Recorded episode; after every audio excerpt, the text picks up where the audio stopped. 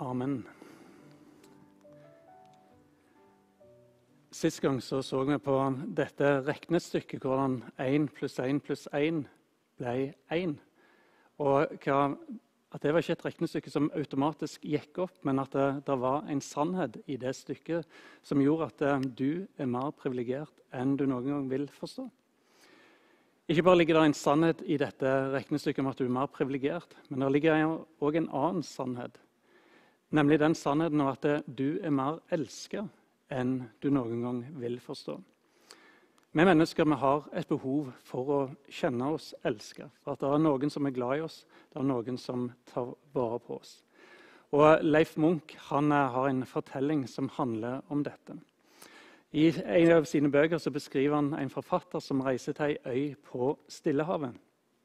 Og På den øya som han havner på, så oppdager han her det er en tradisjon når mennene skal gifte seg, så må de gå til sine svigerforeldre, kommende svigerforeldre, og de må betale en viss antall sum for eh, den nye kona si. Og Det de betaler, det er i kyr. Antall kyr. For to eller tre kuer eller kyr så vil du få ei rimelig fin kone. For den, eh, hvis du betaler fire, det blir regna som maksimal betaling for antall kyr. På denne øya er det en mann som heter Jonny, som bor. Jonny ble sett på som en av de smarteste, mest oppvakte, litt sterkeste personene som var der. Han overrasker alle når han bestemmer seg for at han vil gifte seg med Sarita. Sarita ble ikke sett på som var veldig fin. Hun var hengslete, kjedelig, og det var ingen andre menn som så særlig på Sarita. Men det mest overraskende det var når eh, de oppdaget hva Jonny betalte sine kommende svigerforeldre for Sarita. For han hadde betalt åtte kyr. Når forfatteren oppdager denne fortellingen, så ønsker hun å møte eh, Jonny og snakke med ham. Jeg synes dette var en veldig spennende historie. Jonny hadde flyttet, og Sarita hadde flytta til ei annen øy, så hun reiser etter der. Hun kommer inn til Jonny, og de begynner å snakke sammen. Og Etter hvert så kommer samtalen inn på dette konekjøpet som Jonny hadde gjort. Jonny spør eh, forfatteren hva sa folk på øya der om dette konekjøpet. Hva sa, mente de? Forfatteren må innrømme at eh, jo, de mente nok at du var grundig lurt. At uh, hun umulig kunne være verdt så mye. Mens Jonny holder på å fortelle dette, og mens de snakker sammen, så kommer det ei flott unge dame inn i rommet. Hun bærer på ei skål med frukt. Og Forfatteren legger merke til at denne, denne dama har et enormt smil. Hun har øyne som stråler, og holdningen hennes er akkurat som en dronning. Hun setter fruktkorga for seg, gir et smil til Jonny, som smiler varmt tilbake, og går ut av rommet. Jonny ser på forfatteren og spør han, likte du. Ja, må forfatteren innrømme.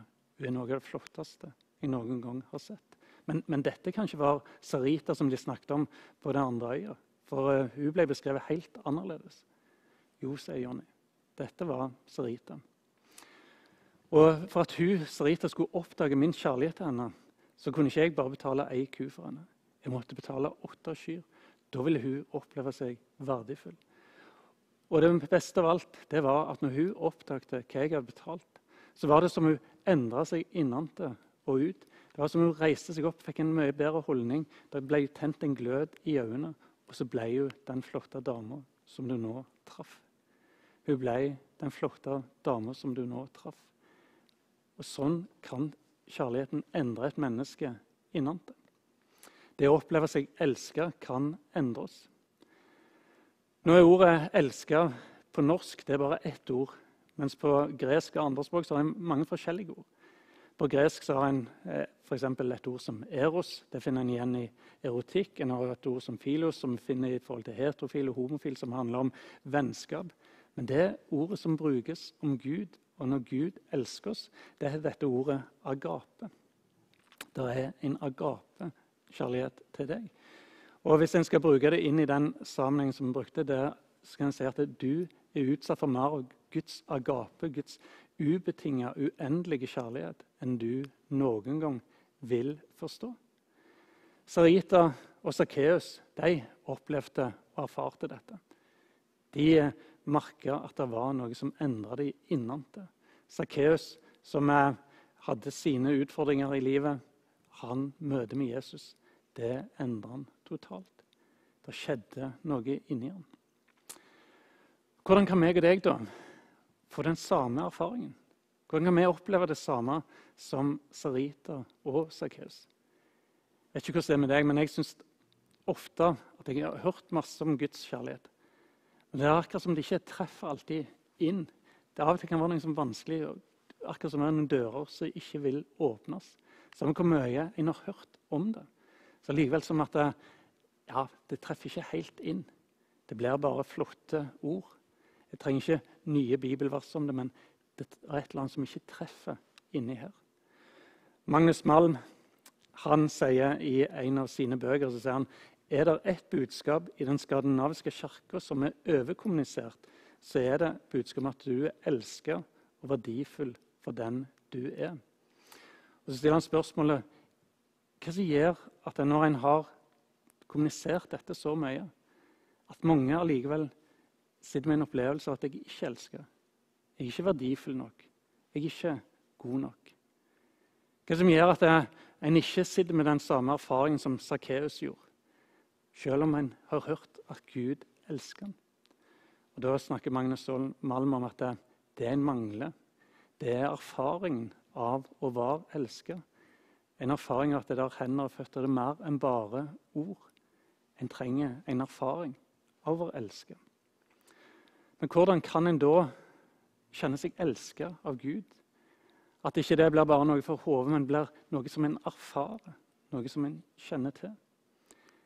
Ja, det er mange nøkler, men jeg tror én av nøklene handler om tilstedeværelse. Det å være til stede. Jeg blir noen ganger beskyldt hjemme for å ikke være til stede. Noen ganger handler det om at jeg ikke er der, og da er det helt naturlig at jeg ikke er til stede. Verre er det gjerne de gangene hvor jeg er til stede uten å være til stede? En er til stede for det, men så er en ikke til stede for det det er et eller annet annet som fanger oppmerksomheten. Det er noe annet som gjør at jeg får ikke med meg hva omgivelsene prøver å si og fortelle meg. Det blir ingen relasjon når en er opptatt med noe annet. Så tror jeg at manglende gudserfaringer kan gjerne handle om noe av det samme. Det å enten at en ikke møter opp, er til stede på disse møtepunktene med Gud, ikke søker Gud i bønn, ikke er til stede på den måten. Men så tror jeg også at For mange av oss er det at vi fort kommer i møte med Gud med ei lang liste med ting som en ønsker at Gud skal gjøre for oss. Og så er en ikke til stede og hører de samme ordene som Sakkeus hørte. Ord som skapte endringen, ord som skapte den dype endringen i Sakkeus sitt liv.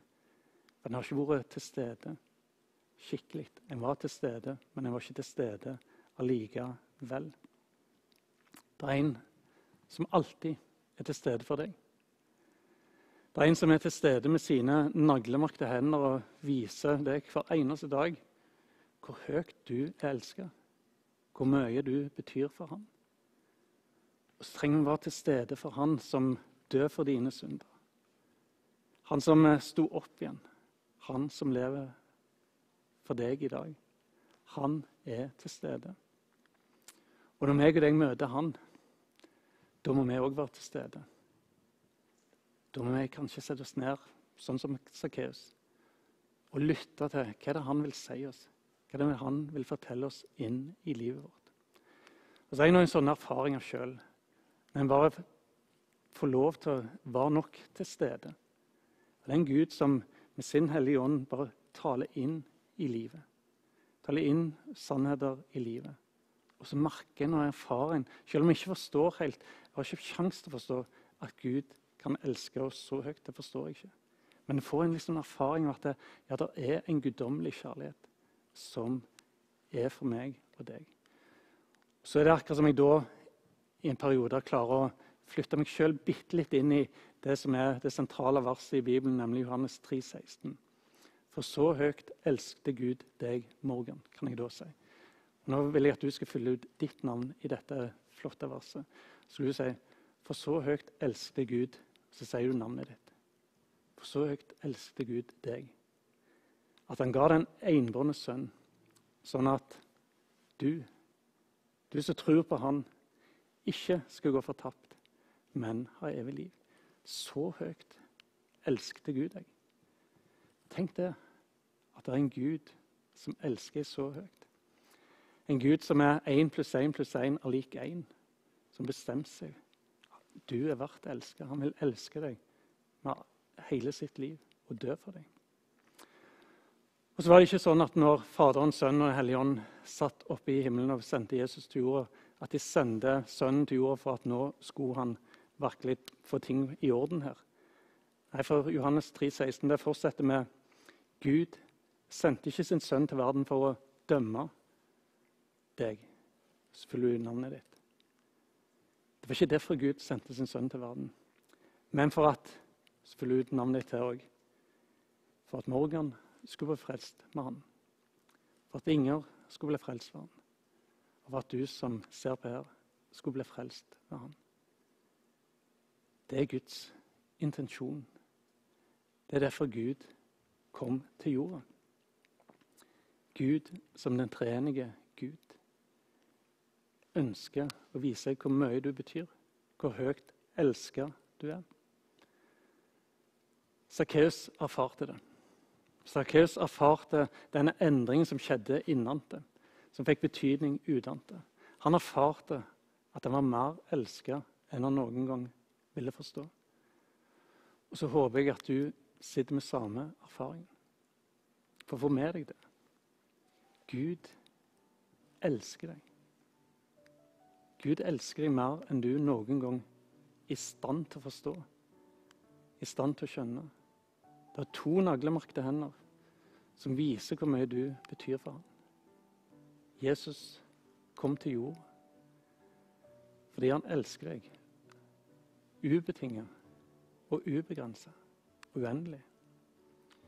Gud er uendelig glad i deg. Og du er mer elska enn du noen gang vil forstå. Du vet vel om at du er verdifull. At du er elska her og nå. At du er elska for din egen skyld. Elska mer enn du noen gang vil forstå. Så kjenner du gjerne på Det skulle jeg ønsket jeg kjente mer av. Det skulle jeg ønske jeg fikk mer tak i. Det handler om som jeg snakket om, det å kunne være til stede. Jeg vil gi deg en mulighet nå til å være til stede. Akkurat der du er nå. Så skal vi be ei bønn i sammen.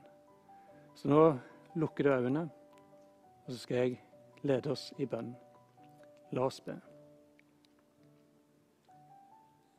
Jesus, takk for dine naglemarkede hender.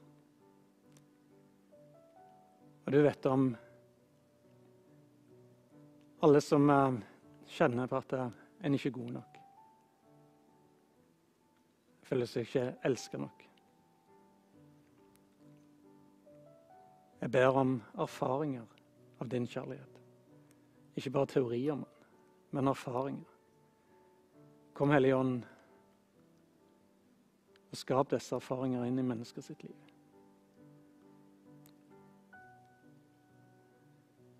Hjelp oss alle til å se at vi både er enormt privilegerte, mye mer enn vi forstår.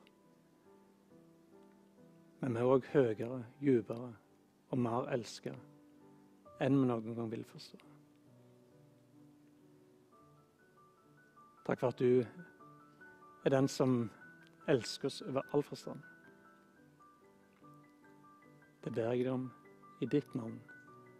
Amen. Du skal få lov å ta med deg velsignelsen samtidig. Herren velsigne deg og bevare deg. Herren lar sitt ansikt lyse over deg og være deg nådig. Herren løfte sitt åsyn på deg